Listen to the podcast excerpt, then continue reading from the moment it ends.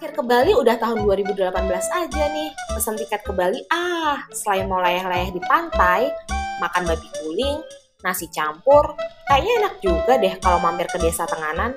Yaps, cari tenun Bali di sana.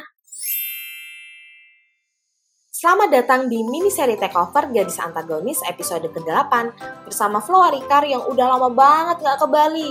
Kangen deh cari tenun Bali di desa Tenganan. Untuk menuju ke desa Tenganan Pegeringsingan, diperlukan waktu sekitar 1 jam 45 menit hingga 2 jam dari Bandara Internasional Igusti Ngurah Rai dengan jarak tempuh sekitar 77 km melewati jalan tol Bali Mandara. Desa Tenganan yang terletak di Kabupaten Karangasem ini merupakan destinasi wisata yang kental dengan kebudayaan Bali di masa Pramajapahit. Karena itu, desa ini juga dikenal sebagai Desa Bali Aga yang bermakna desa tua. Biasanya selain disuguhi atraksi budaya perang pandan, proses pembuatan tenun, menulis di daun lontar dan mencoba pakaian tradisional khas Tenganan, Desa ini juga menyuguhkan filosofi tata ruang perkampungan yang menarik. Menurut Gatra.com, tata ruang di Desa Tenganan mempunyai pola deretan yang sangat rapi, berbanjar dari mulai selatan desa hingga ke utara. Rumah-rumah masyarakat terbentuk menjadi empat banjar.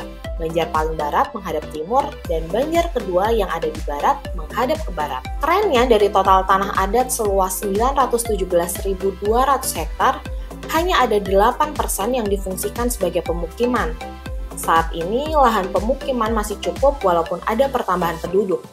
Sebenarnya sih ini seperti siklus, keseimbangan akan kelahiran dan kematian. Masih disadur dari gatra.com, wilayah pemukiman merupakan tanah hak milik desa adat. Masyarakat yang tinggal di dalamnya hanya mendapat hak guna pakai. Lebih maju lagi, desa adat telah menyiapkan kafling-kafling untuk tempat tinggal dengan syarat satu pekarangan dihuni satu kepala keluarga. Ketika pada abad 20 manusia masih sibuk mencari rumah, masyarakat di sini sudah tidak dipusingkan lagi dengan masalah itu. Hal ini lantaran masyarakat desa Tenganan Pegeringsingan sangat menghormati tata ruang dan fungsi lahan. Mereka mempercayai dan menjalankan aturan hubungan antara manusia dengan lingkungan, seperti yang tertulis dalam hukum adat awik-awik pasal 7 yang berbunyi, seluruh masyarakat adat Tenganan Pegeringsingan tidak boleh menjual tanahnya keluar desa adat. Kepemilikan pribadi tetap diakui oleh adat, tetapi diatur dalam kepentingan bersama. Arti kepentingan bersama di sini adalah ketika desa adat memerlukan sarana upacara, maka desa adat berhak menggunakan walaupun tetap menggunakan aturan yang ada. Hubungan harmoni antara manusia dengan alam dan lingkungan telah terjaga dengan baik.